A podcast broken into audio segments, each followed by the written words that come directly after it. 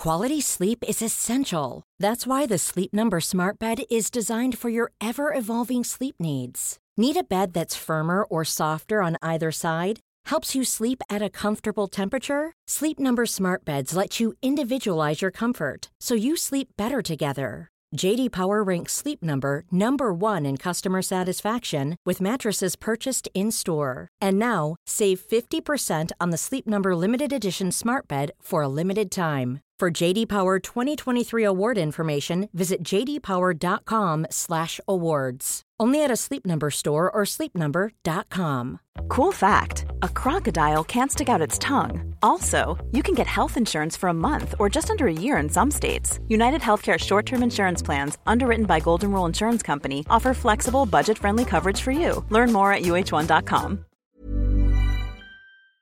Do lytter podcast for Third Ear. Konspirativ kærlighed. Kapitel 8. Så er vi ved at være klar til at skubbe Man skubber den ud, simpelthen. Ja, Hvad er det, mon Christa Molsen har gang i nu? Du siger bare, hvad jeg skal, hvad jeg skal gøre, ikke? hvis du vil skubbe her, øh, Ja, på vingen her. skubber du bare foran til. Ja. Yes. Og du styrer? Jeg styrer. Okay. Vi skubber en flyvemaskine. Hold da kæft.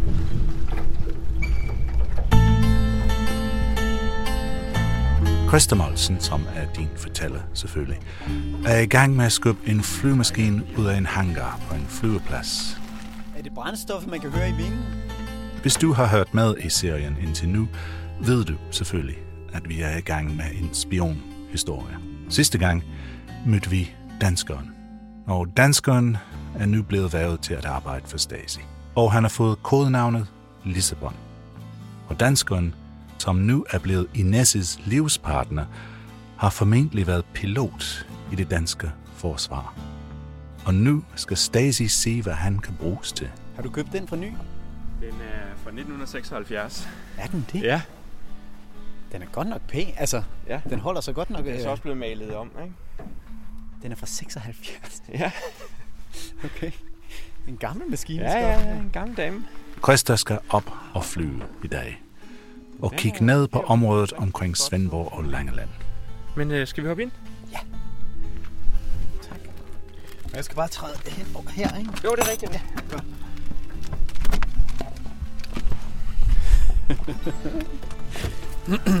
så venter vi bare lige med at lukke døren, så vi kan få silerne på, så Imens Krista hopper ombord i flymaskinen, skal jeg bare sige, at hvis du lytter til det her på 30's podcast-app, eller fordi du abonnerer på vores kanal på Apple Podcasts, tak for din støtte.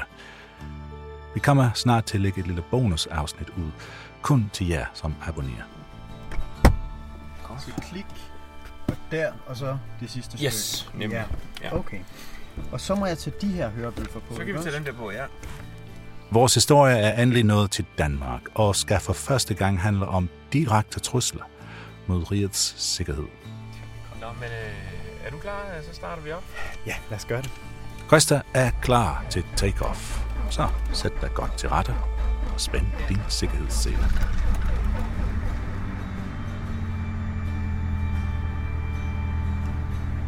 Hvad er det, jeg sidder med her på, med mine fødder? Jamen, det er, det er sideordspedalerne. Så hvis du bare holder dine fødder ned om der, så... Jeg skal holde mine fødder væk.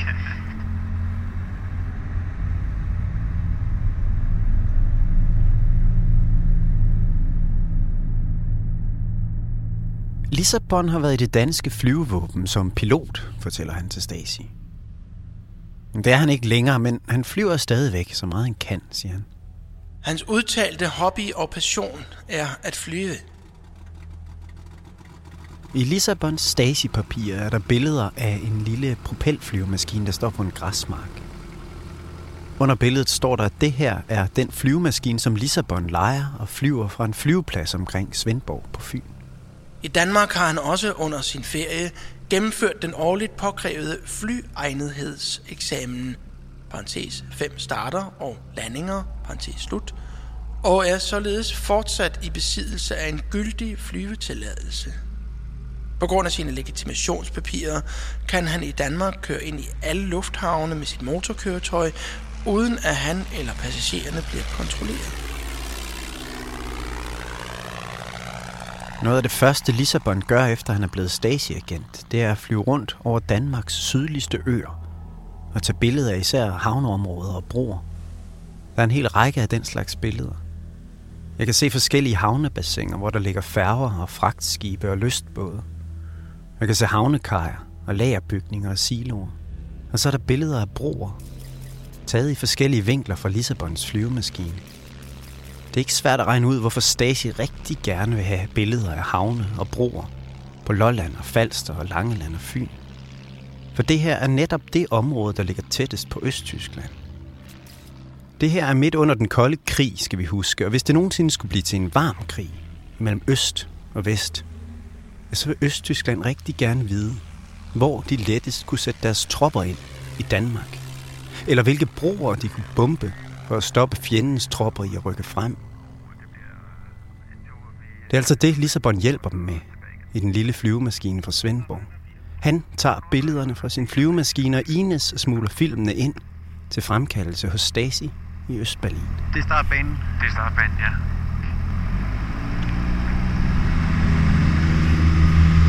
Så er vi i luften.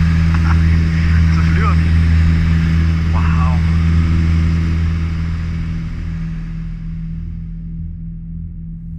Christa, Mm. hvad laver du i en gammel flyvemaskine? Jeg, øhm, ja, altså, det, er en- det er en længere historie, men nu, nu, nu skal du høre. På et tidspunkt i 1985, der bliver Lissabon salgsperson for et brillefirma på Lolland. Ja. Grundet parets nuværende økonomiske situation har Lissabon skaffet sig en stilling som handelsagent for et dansk brillefirma til salg af brillestel i hele Vesttyskland og forsøgsvist også i Vestberlin. Har du hørt om det? Ja, jeg har hørt om de her brillestel. Efter forsigtig vurdering er de nuværende salgsmuligheder ikke dårlige. Det er et, en dækhistorie for, at han kan, han kan rejse rundt som brillesalgsmand. Men han har et job, beskriver han til Stasi, øh, ved et brillefirma på Lolland. Firmaet garanterede IM Lissabon en fast månedsløn, og han anstrenger sig meget for at få gang i disse forretninger. Kontrakten blev i første omgang aftalt til 6 måneders prøveperiode. Og jeg, den adresse på det brillefirma på Lolland har jeg fundet. Og så har jeg ringet til ham, der bor der i dag. Ja. Og ved du, hvad han laver? Sælger han også briller? Nej. Nej. Han har en flyvemaskine og flyver rundt og tager billeder af Lolland, Falster, Langeland, Fyn, det område. Okay, så hvor, der, hvor Lissabon tidligere arbejdede, Mm. bor der nu en, der er pilot, Ja, ligesom Lissabon. ja. Og flyver rundt og tager billeder af præcis det samme område, som Lissabon er blevet sat til at tage billeder af. Okay. i, af Stasi på, på det her tidspunkt i midten af 80'erne. Det er en super underlig, altså, det er bare et tilfælde.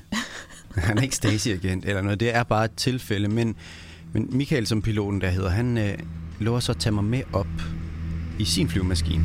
Ja. Hvor højt flyver vi op? Jeg må vi lige se, hvor høje øh, skyerne er. Og så flyver vi rundt og prøver at finde de steder, hvor Lissabon han har taget billeder. Mm-hmm. Ud fra de billeder, jeg har fra Stasi-rapporterne. Ja. Så det er projektet. Kan du ikke lige fortælle mig, hvor ruten er? Jo, så skulle vi flyve, øh, hvis vi lige flyver rundt til, øh, til Rudkøbing først. Ja.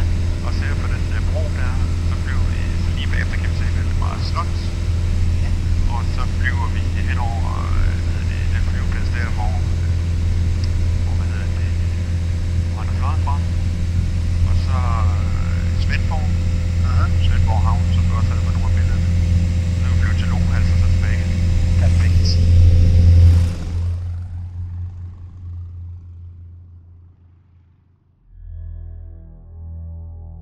Stasi virker til at være meget begejstret for deres nye agent Lissabon med flycertifikat og med stor viden om det danske forsvar fra sin tid som pilot i flyvevåbnet.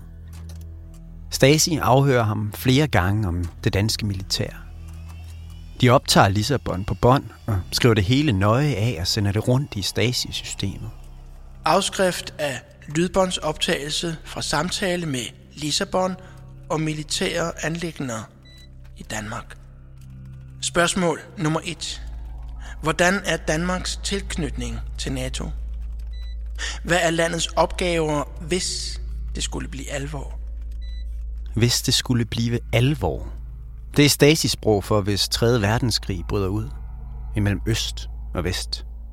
Altså mellem NATO-landene, som Danmark er en del af, og så Østblokken, som Østtyskland hører til. I NATO-systemet bliver flyoperationer, der angår Danmark, styret fra Air Baltar Luftværnsmissiler må sørge for luftforsvar. Jægerbomberne flyver i venteposition over Nordsøen, og ordre flyver disse jægerbomber til deres mål. Ved US lufttanker, der kommer fra luftstøttepunkter i England. Lissabon fortæller, hvad han ved. fra alle de år, hvor han har været pilot i det danske flyvevåben. De bliver ved og ved med at komme med nye spørgsmål til deres agent. Spørgsmål nummer 3. Hvordan fungerer kampflyenes forbindelses kontaktsystemets frekvenser ved forskellige militære indsatser? Så længe man ikke kan identificere et fly, aktiverer man forsvarsjægerberedskab. Forsvarsjægerberedskab består altid af to. Hvis Moonbeam Silver er aktiveret, bliver de næste to maskiner automatisk gjort klar. Purple. Hvilke handlinger må forventes fra det danske flyvevåben, hvis et østblokfly overtræder det danske luftrum? Det fremmede fly bliver opfanget af forsvarsjægerberedskabet og tvunget til at lande. Signal Moonbeam Silver. Det er ikke kun hans føringsofficer, hans kusher, der gerne vil mødes med Lissabon. Nu er det folk så vigtige som Oberstløjtnant Theisinger, Oberst Mikuseit og generalmajor Coburger, der gerne vil mødes med Lissabon. Der er mange, der gerne vil sole sig i den succes, det er at have været ham. Hovedafdeling 8, afdeling 6. Berlin, 2. april 1986. Information vedrørende problematikken ven fjende identifikation. Militærflyene er ligesom de civile fly udstyret med en transponder, en såkaldt squad-angivelse fra Squadbox-fly, radarskærm og raketforsvar. Den samme kode, der som allerede anført signal Moonbeam Silver.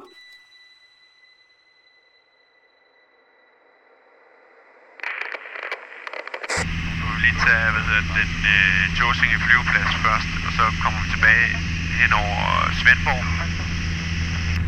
Tåsinge Radio ikke Brav Tanker Foxtrot, vi kommer ind over pladsen i en turbofod og fortsætter mod Svendborg.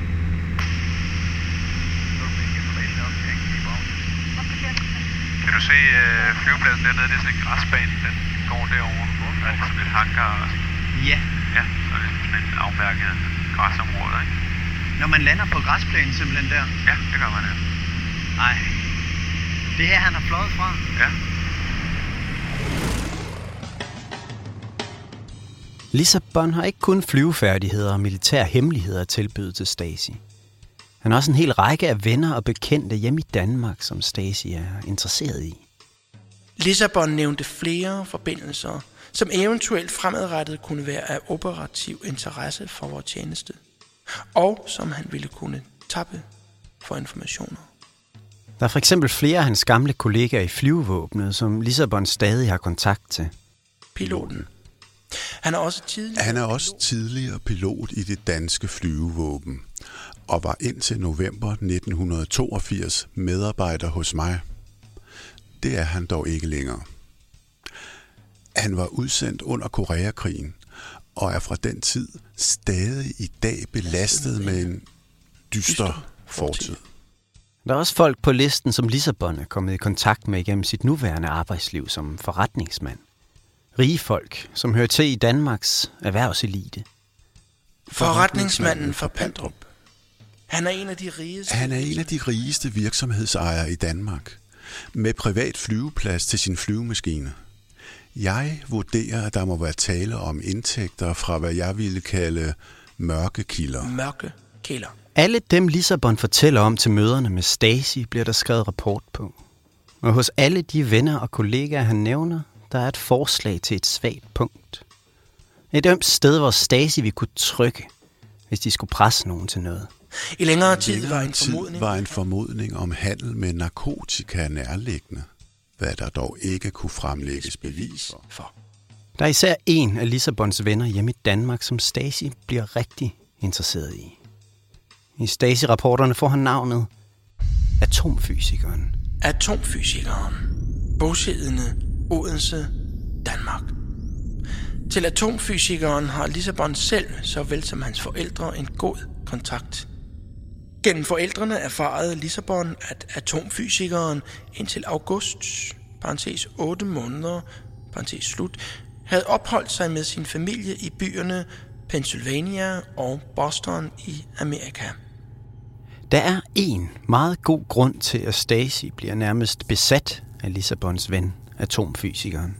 Som Lissabon allerede har berettet, har atomfysikeren opholdt sig længere tid i USA, hvor han har arbejdet inden for forskningen i WRA, Weltraumraketenabwehr, det amerikanske stjernekrigsprogram. Atomfysikeren arbejder på et af USA's allerstørste militære prestigeprojekter. My fellow Americans, tonight we're launching an effort which holds the promise of changing the course of human history. Det, der dengang i midten af 1980'erne hed Stjernekrigsprojektet. Space-based kinetic energy weapons fire high-speed projectiles from hypervelocity guns. Hele verden ved, at USA's præsident Reagan har sat gang i et højteknologisk missilforsvar, som ved hjælp af laserstråler fra satellitter skal skyde sovjetiske missiler ned, inden de vil kunne ramme amerikansk jord. Popped up into space. Earth-based nuclear-powered X-ray lasers fire their radioactive rays. Og selvfølgelig er der ikke noget, som Østblokken hellere ville, end at have en mand on the inside i stjernekrigsprojektet. En mand som atomfysikeren. Hans forskningsområde er den teoretiske kemi, og på computerbasis at komprimere og binde laserstrålerne sammen. I det væsentlige drejer det sig om at skaffe viden, henholdsvis om satellitter, ladet med sprængstof og landbaserede laseranlæg.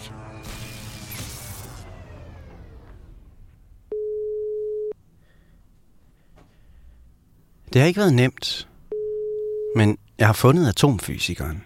Hallo. Hallo, det er Christer fra Third Ear. Okay, hej. Er det atomfysikeren? Det er det. Atomfysikeren bor ikke længere i Danmark. og Jeg har lovet ikke at bruge hans rigtige navn i podcasten. For han gider ikke svare på spørgsmål fra alle mulige, siger han. Men han vil gerne fortælle mig, hvad han ved om ham, vi kalder Lissabon. Vil du ikke starte med at beskrive altså, dit forhold til ham, vi kalder Lissabon? Hvor kendte du ham fra? Mine forældre og hans forældre var bedste venner. Og øh, vores familier har kendt hinanden, altid kommet sammen og været sammen til øh, festlige lejligheder. Og, og så han var godt nok 10 år ældre end mig, men jeg kendte ham udmærket. Altså. Forældrene til atomfysikeren og mine forældre er begge forbundet af et mangeårigt venskab. Var I venner? Nej, det vil jeg ikke sige, for det er med 10 års forskel. Men øh, jeg opfatter ham som øh, glad, venlig og øh, tillidsvirkende også. Det er det helt morsomme ved det, altså. Ja. Så jeg har et godt indtryk af ham, ja. Kunne du godt lide ham? Ja, det kunne jeg. Hmm. Ja, så øh, jeg tror, alle har et godt indtryk af ham. Han holder forelæsninger på Odense Universitet. Arbejder også meget hjemme. De har en hushjælp derhjemme.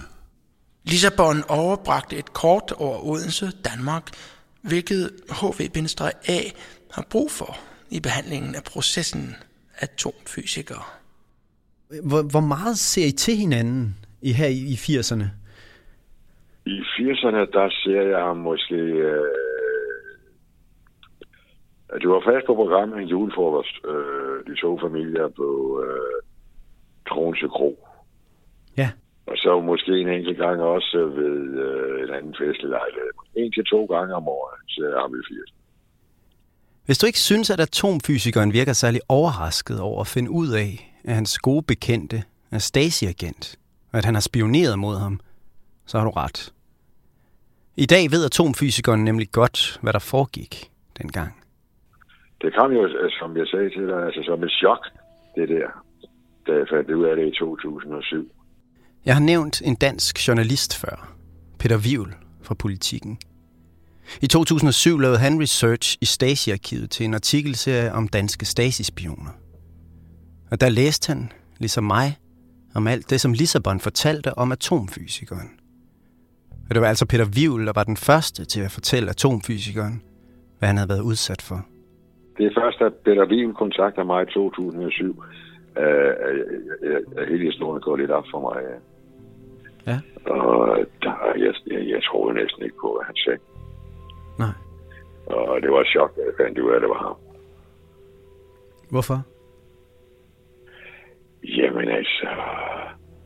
Ja, det havde måske været chok næsten, havde det været lige meget, hvem havde jeg næsten sagt, ikke? Fordi, mm. øh, men øh, altså lige var ham, som jeg altid sådan siger, hvad jeg i og sig synes godt om. Jeg må acceptere, at han har gjort det, jo, men øh, øh, det er ikke mange, der gør det, tror jeg. Det er ikke, det er, det er heller ikke smukt. Det er samvittighedsløst. Så altså de sidste 15 år har atomfysikeren godt vidst, at vennen af familien Lissabon i virkeligheden arbejdede for Stasi. Men dengang, i midten af 1980'erne, da de to mødtes til de årlige julefrokoster, runde fødselsdage og guldbryllupper, der vidste atomfysikeren ingenting. Den 12. maj har Lissabons forældre guldbryllup. Til denne fest kommer også den allerede nævnte atomfysiker, som ellers var i USA. Lissabon har dermed mulighed for operativt at tappe ham for informationer. Og så fortæller han her, at den 12. maj, der var han, der var du til, til guldbryllup med hans, hos hans forældre, hos Lissabons forældre. Ja, det skal nok passe. Ja, ja. Hvordan opfører han sig til, til, til de ting, altså til de her sammenkomster? Ja, jeg, opfattede det som normalt, jo, fordi jeg var udadvendt, og det vil sige, at han var også interesseret i, hvad, jeg sagde, eller hvad andre sagde. Og ja, jeg fortæller jo, hvad man laver, og det, det gør vi alle sammen jo. Og... Var han sådan et indlevende menneske, sådan et, altså en, man havde lyst til at fortælle ting til? Ja, det vil man sige. Ja. Han virker interesseret. Han virker interesseret. Lissabon er interesseret i atomfysikeren, for Stasi er interesseret i atomfysikeren. Og Lissabon rapporterer alt, hvad han overhovedet kan finde ud af til Stasi. Jeg havde ved festen kun kortvarigt mulighed for at snakke med atomfysikeren, men er blevet inviteret hjem til ham i Odense, Danmark. Det er også ved et par af de her familiesammenkomster, at atomfysikeren møder Lissabons nye kæreste. Hvad er det, hun hedder? Ines kalder de hende i Stasi-rapporterne. Ja, Ines. Nej, hvad kalder, hun? hvad kalder de hende i Stasi-rapporterne? Ja, Ines. Ines, eller Ines. Nå, Ines. Har du mødt, har du mødt hende? Ja, det har jeg. Uh, hun var med flere gange til de der julefrokoster, familiejulefrokoster. Tror jeg, nogle gange i hvert fald. Og så har jeg også været til en anden familiefest, jeg kan ikke huske hvilken. Hvor jeg uh, dansede med hende. Ja. Og det var en uh, slank blondine. Ja. Og uh, jeg er ikke nogen stor danser. Jeg plejer sådan at stå ind i folk, men det var meget net med hende. Hun dansede som fjerde. Enes blev informeret om de tilsvarende forholdsregler, såvel som det nødvendige informationsbehov, specielt med henblik på at forsøge at finde ud af, hvor man kan møde atomfysikeren selv, såvel som hans kone i forhold til fritidsinteresser. Det er mærkeligt, ikke? Altså at kunne... Ja, du ved, Jo, jeg, jeg, jeg, jeg kan læse, jeg sidder med, med håndskrevne sider, som han, som, han har, som han har krasset ned i al hast, kan jeg se. Ikke? Som handler om Ja. dig og din kone og din, øh, dine forældre og den slags. Øhm, som jeg kunne forestille mig, han har, han har skrevet ud på toilettet, eller et eller andet, altså i forbindelse med samtaler, han har haft med dig. Og så har han, så, har han, så snart han har været alene, så har han krasset de her ting ned. Øh, han har åbenbart skrevet, så snart han øh, kom hjem, eller hvordan han har gjort det. Mm. Jamen, det er jo... Ja, ja. I vores tidligere bekendtskab havde atomfysikeren en meget konsekvent socialdemokratisk indstilling og betegnede også sig selv således. Er du socialdemokrat? Er det rigtigt? Jo, men det er rigtigt, at jeg har været medlem af Socialdemokratiet i mange år. Hans nuværende indstilling indeholder det modsatte. Og han ligger fuldstændig på linje med den amerikanske imperialisme. Har du haft politiske snakke med Lissabon? Uh, ikke andet sådan en almindelig slag. Uh, du ved, når man snakker sammen til en frokost. Ja, ja. Og du havde aldrig en fornemmelse af, at han var blevet glødende socialist? Nej, det har jeg sgu ikke nej. Det havde jeg bestemt ikke. Nej. Og at, og at han skulle fordømme din, øh, altså din højorienterede amerikanske imperialistiske linje? Nej, det, det er helt... Det, jeg, ved ikke, jeg ved ikke, hvad der er foregået. Ja, det, det er utroligt. Altså, både mig og min bror, som kommer ind i sagen lidt senere, mm. har jo altid opfattet som liggende til højre for os. Ja. Altså, det var, han læste jo børsen og så videre. Hvordan han så er gået hen og blevet socialist og kommunist, det, det, det, øh, det er lidt, øh, det må være, det, det er en, det er en skrab indre.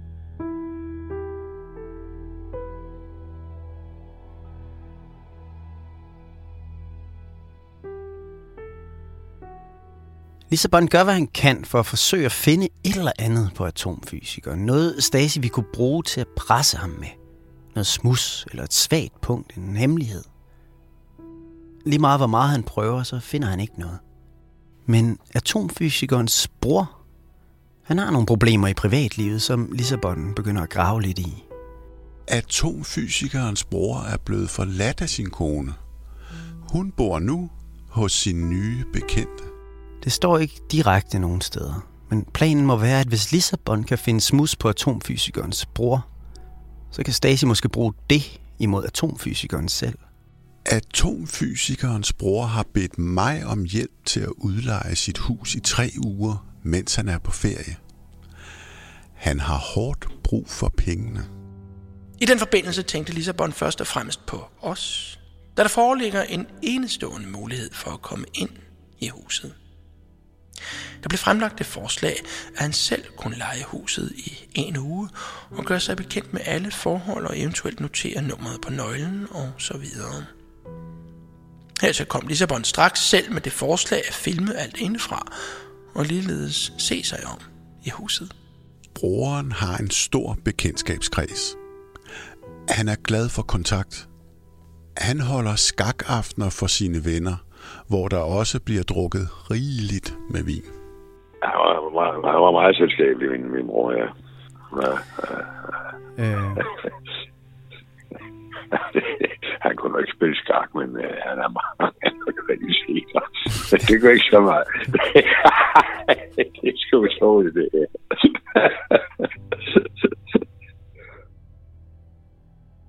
I løbet af samtalen med atomfysikeren går det op for mig, at det ikke er alt, hvad Lissabon har fortalt Stasi om ham, som er rigtigt.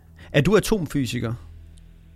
Nej, jeg er kemiker, og han er jo kvantekemiker beregninger hele mit liv. Eller mit aktive virke på universitetet. Okay, så du er ikke atomfysiker? Nej, det er jeg ikke. Atomfysikeren er slet ikke og har aldrig været atomfysiker, viser det sig.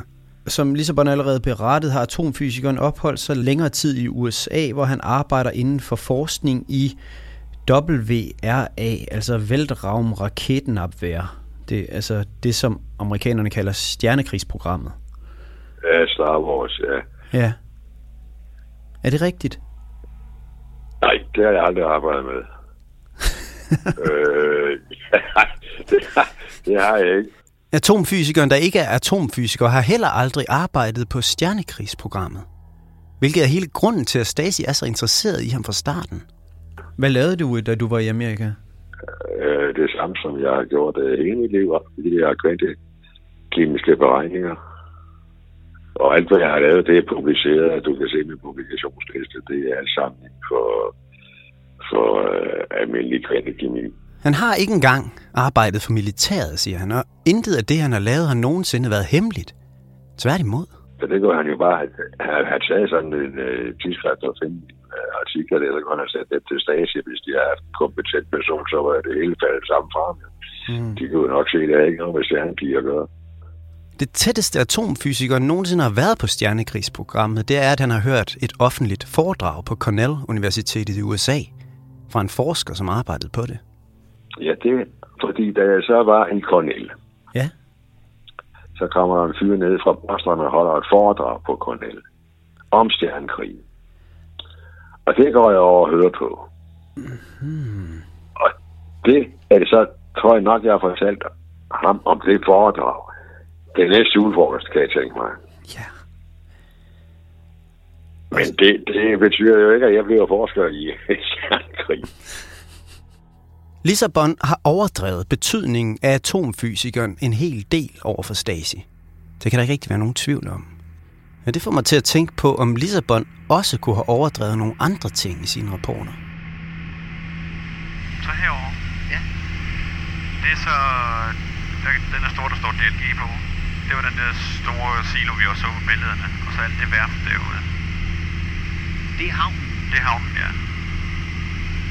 Det er Svendborg Havn. Det er yes. Svendborg Havn, ja. Ja, man kan totalt... Ja, ja, jeg kan da... Det har ikke ændret så meget, hva'? Overhovedet ikke, nej.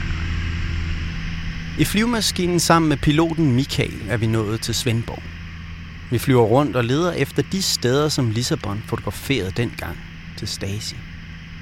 Luftfotos af de sydlige øer, som østtyskerne vi kunne bruge, hvis de en dag skulle få lyst til at invadere Danmark. Havneområder og broer. Det er der. Det der er den bro. Der, du har ret, der er en kirke. Gud ja. Det er sgu da den bro. Det er der. Det, du har helt, det er jo en hvid kirke. Det er da Svendborg Sundbro. Det er Svendborg Sundbroen. Det er det sgu da. Så er turen endnu kortere. ja. Ja, okay, som ligger lige ved siden af flyvepladsen selvfølgelig. Yes. Vi tager lige en runde her, så kan du se det gang til. Ja, meget gerne. Mens vi hænger der et par hundrede meter over Svendborg, med udsigt over Svendborg Sundbroen og havnen, og den flyveplads, som Lissabon er fløjet fra, så er der en anden ting, der går op for mig. Og så skal du bare se, så, øh, altså det, det kan jo re- rent faktisk være, at han, han bare lige har taget en lille øh, kort rundtur her. Så skal du prøve at se, hvad der ligger lige herovre. Der ligger det der Valdemar Slot der. Gud. Det er mere, har fået. Men det er jo ikke mere end, altså, altså den der rundtur, den er 10 minutter lang jo. Det er jo det. Nej, mand. Alle de billeder, som Lissabon har taget, som skulle være af de sydlige danske øers infrastruktur, havneområder, broer og strategiske mål for det østtyske militær, de er alle sammen taget kun få minutters flyvetur rundt om den flyveplads uden for Svendborg, som Lissabon har fløjet fra. Det her ligner et absolut minimum af indsats. Altså, jeg synes lidt mere og mere, det lugter af, at han... Øh, han bare lige har været ude at tage en flyvetur der. Lige rundt her. Lige øh, taget den, øh, den billigste, korteste tur. Så har han lige taget de billeder og sendt, øh, sendt til dem. Wow, hold kæft, mand. Det kan være, han har hostet dem. Det kan være, han har hoslet dem, siger min pilot, Michael. Men hvis det er rigtigt, hvad så med alt det andet, Lissabon har fortalt dem? Hvad med historien om hans egen fortid, som pilot i det danske flyvevåben for eksempel? Jeg kender en mand, som jeg ved var pilot i forsvaret under den kolde krig i 1970'erne, hvor Lissabon også skulle have været det. Goddag, det er Christer. Goddag, Christer. Goddag med dig. Tak fordi du vil snakke med mig. Jamen, det vil jeg, og jeg har lige øh, øh, scannet de her fotos igennem, som du har sendt til mig. Ja. Den her pilot vil ikke have sit navn frem. Mange af de her gamle koldkrigere er stadigvæk temmelig hemmelighedsfulde. Men der er ikke nogen tvivl om, at han var på den flyvestation, hvor Lissabon også påstår, at han fløj fra som pilot i flyvevåbnet. Men jeg kan sige, at i 1973, der, der var jeg eskadrillechef på, på flyvestation Karup. Javel. Jeg var chef for eskadrille 729, og vi fløj fotorekognoscering og øh, havde tæt kontakt med Østmagtens øh, øh, skibe og fly og så videre, så videre, så videre. Det var en kold krigstid. Ja. Øh, så øh, jeg var på Karup i 70'erne. Jeg giver ham det rigtige navn på ham, som vi kalder Lissabon. Det, det, det siger mig ikke noget, altså, det, det, det er et ganske almindeligt navn. Øh, det kan jeg ikke vide noget om. Han kan ikke huske ham, men det betyder ikke nødvendigvis, at han ikke har været pilot. Men jeg har også sendt den gamle eskadrillechef de luftfotos, som Lissabon har taget til Stasi. Det, det, det er totalt. Altså, Stasi har langt bedre billeder, eller havde langt bedre billeder, end det der elendige øh, foto, amatørfoto. De, de, altså, Og de der billedudsnit, øh, som vises, er helt uinteressant fra et, et efterretningsmæssigt synspunkt. Helt uinteressant. For det første, det er for dårlig kvalitet, og for det andet, altså, det fokuserer på en færge, der ligger i indløbet. Uinteressant. Øh, kajer, anlæg, brændstof, forsyning, det er interessant. Det, det kan ikke bruges til noget. Det kan ikke bruges til noget. Så ideen om, at det her skulle være taget af en pilot, der ville vide, hvad der ville være interessant for en anden pilot at have af billeder. Ja, der, det er uinteressant. Ja, det her er ikke, du siger, det her er ikke taget af en, der ved, hvad han laver. Nej, lige præcis. Det her er ikke taget af en pilot. I flyvevåben. Det, det kan jeg ikke forestille mig, lad mig sige det på den måde, så, fordi øh, at hvis det havde været en pilot, der havde fløjet i det danske flyvevåben på flyvestation Karup ja. i 73, ja. Så ville han ikke sende sådan noget crap, sådan noget lort som det her. øh, jamen, jamen, så, så, og hvis han virkelig var en medløber for, for Stasi, så ville han da sende helt, helt andet interessant efterretningsmæssigt stof frem. Fordi, fordi det vil han have adgang til. Okay, træningsprogrammer for piloter for eksempel. Ja. Det skulle da interessant for Stasi.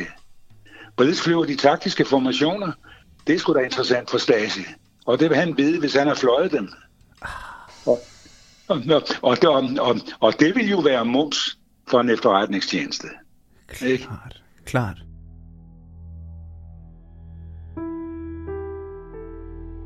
Jeg tror, at det her er et godt tidspunkt at lave lidt mere grundigt research på ham, vi kalder Lissabon.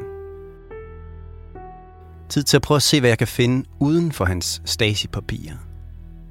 For hvis atomfysikeren ikke var atomfysiker, og han ikke arbejdede på det tophemmelige stjernekrigsprogram, og hvis Lissabon slet ikke har været pilot i det danske forsvar, hvem er han så, Lissabon? Er han en svindler? Er han en dobbeltagent? Er det ikke temmelig farligt, det han er gang i? Jeg mener, Stasi bryder sig nok ikke om at blive løjet for. Og hvor længe kan det her blive ved for Lissabon? Det er næste gang i konspirativ kærlighed. Så er vi nede igen. Wow.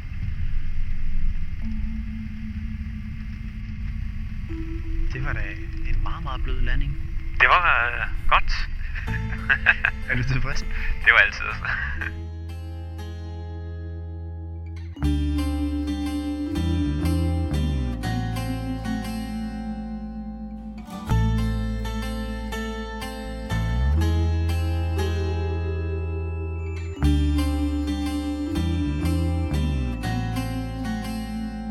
Du hørte stemmer fra Tur Lindhardt som Stacy Filerne og Henrik Bistrup som Lissabon. Dette kapitel af serien var skrevet og fortalt af Christa Molsen og Miriam Arns. Storyline i serien er Christa Molsen og mig. Jeg hedder Tim Hinman, og jeg har stået for studieproduktion, klip, lyd, studieoptagelser og musik sammen med Frederik Nielbo, som også står for alt muligt andet. Research og interviews af Anna Taulo og Clara Geist, som også har oversat dokumenterne, artwork og illustrationerne til serien er af Anne Sofie Madsen. Hvis du lytter til det her på 30's podcast app, husk at du kan gå på opdagelser der og høre alt muligt andet, som vi har lavet før. Til abonnenter findes der snart et bonusafsnit med mere om Arns på feedet. Ellers går det lidt mere tid imellem det næste par afsnit af serien, men vi lover dig at komme frem med det næste afsnit lige så snart det er klart. Du kan besøge vores webside 30.dk for at finde ud af mere om, hvordan du kan få tidlig adgang til alt, hvad vi laver fra nu af. Og indtil der, husk nu, at hvis du kunne lide, hvad du har hørt, så send det endelig videre.